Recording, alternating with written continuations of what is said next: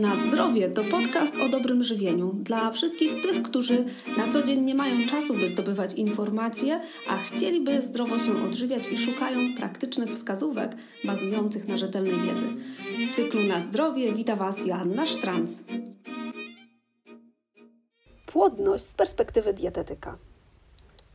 Być może starasz się o dziecko od dłuższego czasu, ale ciągle nie wychodzi Koleżanki w pracy dopytują, kiedy będzie małe bobo, a ty w środku czujesz się coraz bardziej bezradna.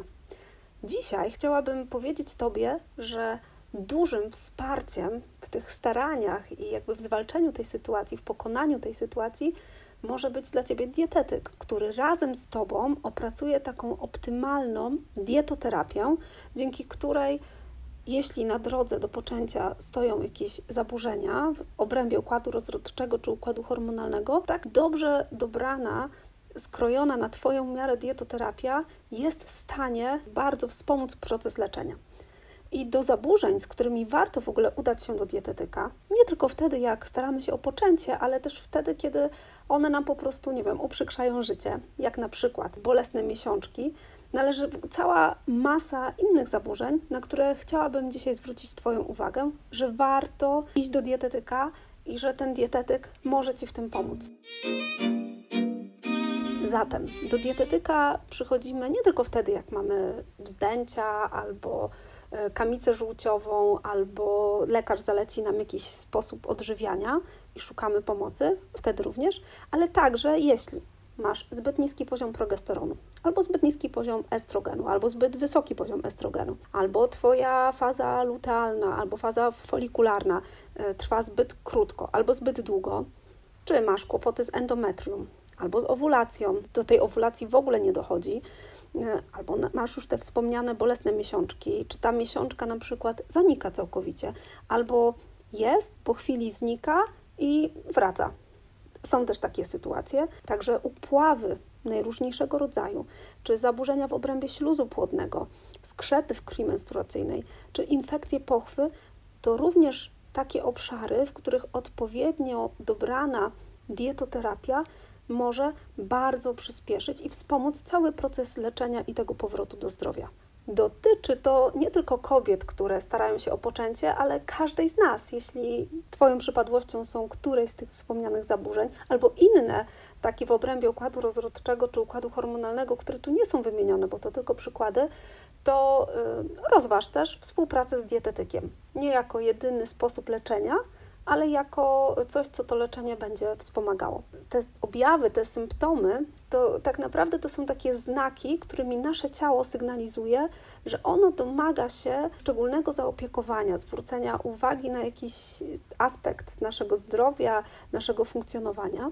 Jedną z takich form y, zaopiekowania będzie też dobór odpowiedniego pożywienia, które w tej konkretnej sytuacji może stać się dla Ciebie lekarstwem. I tym lekarstwem będzie dobór zarówno poszczególnych produktów, ale też ogarnięcie całego sposobu odżywiania, który jest powy dla Ciebie, Twojego codziennego sposobu odżywiania. I to takie bardzo szerokie spojrzenie na całość Twojego odżywiania, które będzie leczniczo i korzystnie wpływało na funkcjonowanie Twojego układu rozrodczego, Twojego układu hormonalnego, i tym samym jakby wspierało też Twoją płodność, będziemy nazywać dietą płodności. Słów o tym, z czego taka dobra, właściwa dieta płodności powinna się składać, czego tam nie może zabraknąć. Przede wszystkim tłuszcze. Nasz układ hormonalny, układ rozrodczy, one bardzo lubią dobre tłuszcze. I my powinnyśmy zadbać o to, żeby te tłuszcze w taki mądry sposób dostarczać mądry sposób, czyli w odpowiedniej ilości, o odpowiedniej porze powiedzmy i przede wszystkim odpowiedniej jakości. To, co tak szczególnie korzystnie wpływa na nasz układ rozrodczy, to odpowiednie spożycie jednonienasyconych kwasów tłuszczowych. A te jednonienasycone kwasy tłuszczowe znajdziemy przede wszystkim w oliwie z oliwek czy w takim zimno tłuczonym oleju rzepakowym. Co w praktyce oznacza, że ani jednego, ani drugiego nie powinno brakować Twoim takim codziennym jadłospisie. Taką oliwę z oliwek można, nią można polewać sałatki, ale można też na przykład, jeśli zjadasz pieczywo, kanapki, to zamiast masła, możesz sobie od czasu do czasu kanapkę posmarować takąże oliwą. Mądre dostarczanie tych tłuszczów to nie tylko wybór tych dobrych, ale też rezygnacja z tych złych. I takimi tłuszczami, które tutaj nie powinny się znaleźć w Twoim propłodnościowym jadłospisie, to są y, izomery trans. Idąc tu zupełnie w chemię, czym są te izomery trans, to chcę Ci powiedzieć, gdzie Ty je znajdziesz. A dla Ciebie jest to informacja, z których produktów powinnaś zrezygnować, jeśli zależy Ci na wyregulowaniu cyklu, na, osiągnie, na poprawie Twojej płodności. Zatem, jeśli masz takie cele, to odrzucasz twarde margaryny i też takie produkty, w których te twarde margaryny występują. E, też przemysłowo wytwarzane ciasta i ciasteczka, jakieś e, pralinki, batoniki fast foody, chociaż tu w fast foodach e, w tym przypadku możemy dyskutować, bo fast food fast foodowi nie jest równy, e, aczkolwiek tutaj mamy na uwadze takie fast foody składające się z jakby takich produktów wysoko przetworzonych. Też frytki, chipsy czy jakieś takie zupki w proszku. Są to produkty, z których rezygnujemy, z uwagi na to, że one zawierają między innymi te dla nas bardzo niekorzystne izomery e, trans. Dlaczego? Dlatego, że te izomery trans, one mają takie dwa główne negatywne działania na nas. Po pierwsze, one zwiększają oporność naszych komórek na insulinę, co jest dla nas niekorzystnym stanem i niesie kolejne nie, niedobre konsekwencje. I po drugie, one też nasilają y, wszelkie procesy zapalne, które toczą się w naszym organizmie, czyli będą działały bardzo mocno prozapalnie, a tego nie chcemy.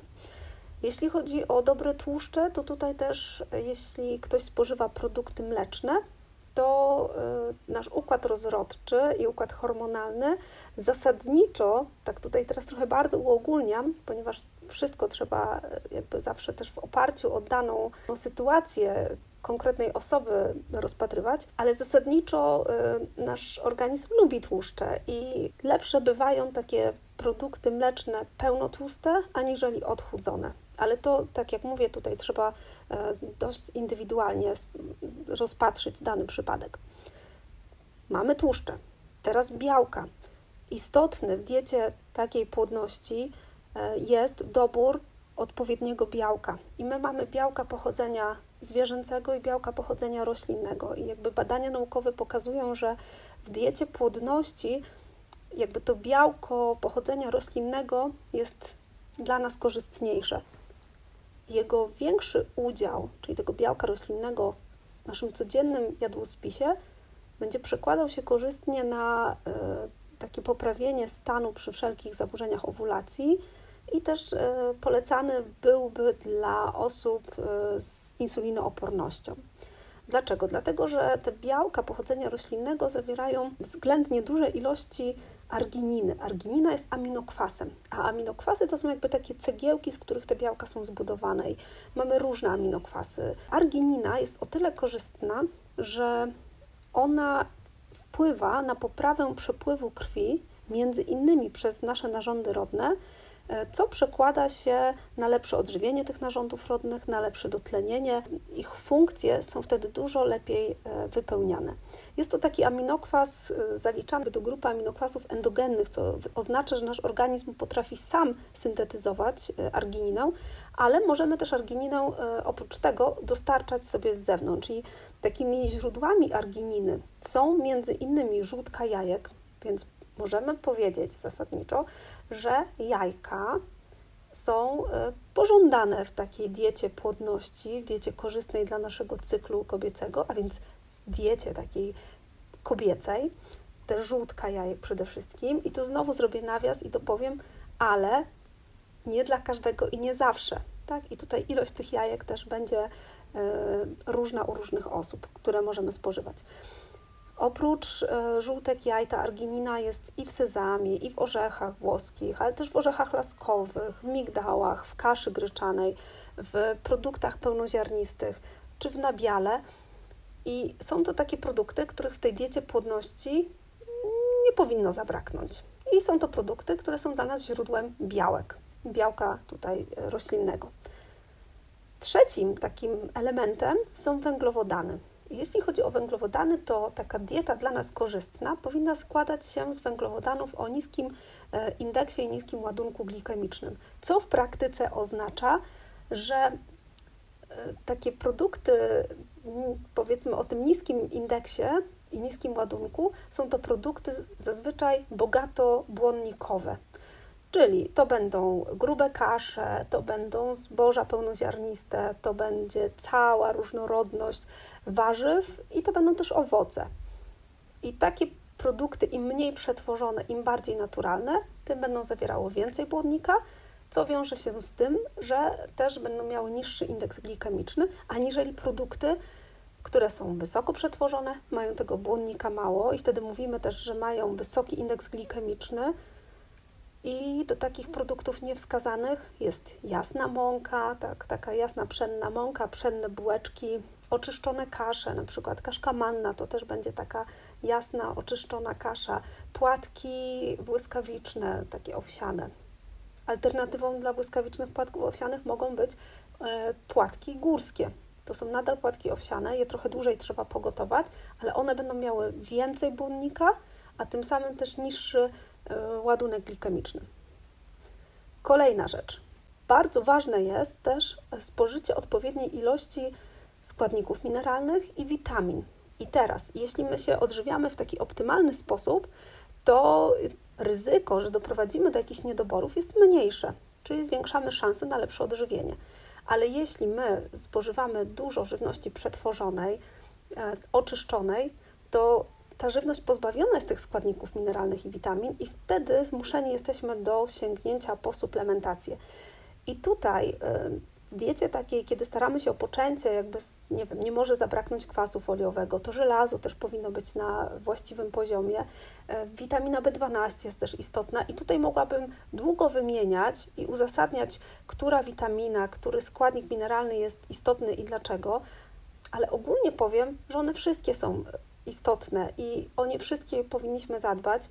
No jeśli tak się składa, że jesteśmy zmuszeni do tej suplementacji, to należy to robić również z głową, ponieważ nie wszystko je e, składniki mineralne i witaminy jakby możemy łączyć z innymi, bo niektóre jakby będą działały synergistycznie, czyli będą korzystnie, jeszcze lepiej w połączeniu działały aniżeli każda z osobna, ale są też takie, które działają antagonistycznie. Większa ilość jednego będzie sprawiała, że mniej się wchłania drugiego. Dlatego to trzeba dobierać z głową i tutaj ważne jest łączenie poszczególnych, powiedzmy, suplementów, e, jak i przyjmowanie ich o określonych porach dnia i też e, wiedza o tym, czy należy to przyjąć z pożywieniem, a może przed posiłkiem, a może po posiłku, a może popijać, a może nie popijać i tak dalej. I to też są takie zagadnienia, w których dietetyk może być bardzo pomocny. Kolejnym takim elementem czy czynnikiem istotnym w diecie płodności jest dieta mająca na celu osiągnięcie należnej masy ciała. Okazuje się bowiem, że jest to jeden z takich e, czynników, który w istotny sposób przekłada się zarówno na nasz cykl, jak i na naszą płodność. Kobiety, które są zbyt szczupłe, mają niedowagę, bardzo często mają zaburzenia układu hormonalnego, co przekłada się na zaburzenia płodności.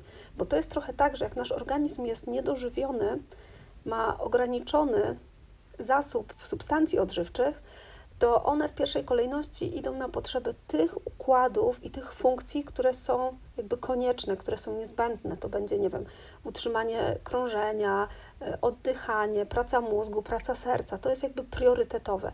Natomiast te funkcje rozrodcze, e, one są, no, nie mogę powiedzieć, że drugorzędne, ale one nie są jakby pilne one, my nie musimy się rozmnażać cały czas, żeby żyć, ale musimy oddychać cały czas, żeby żyć.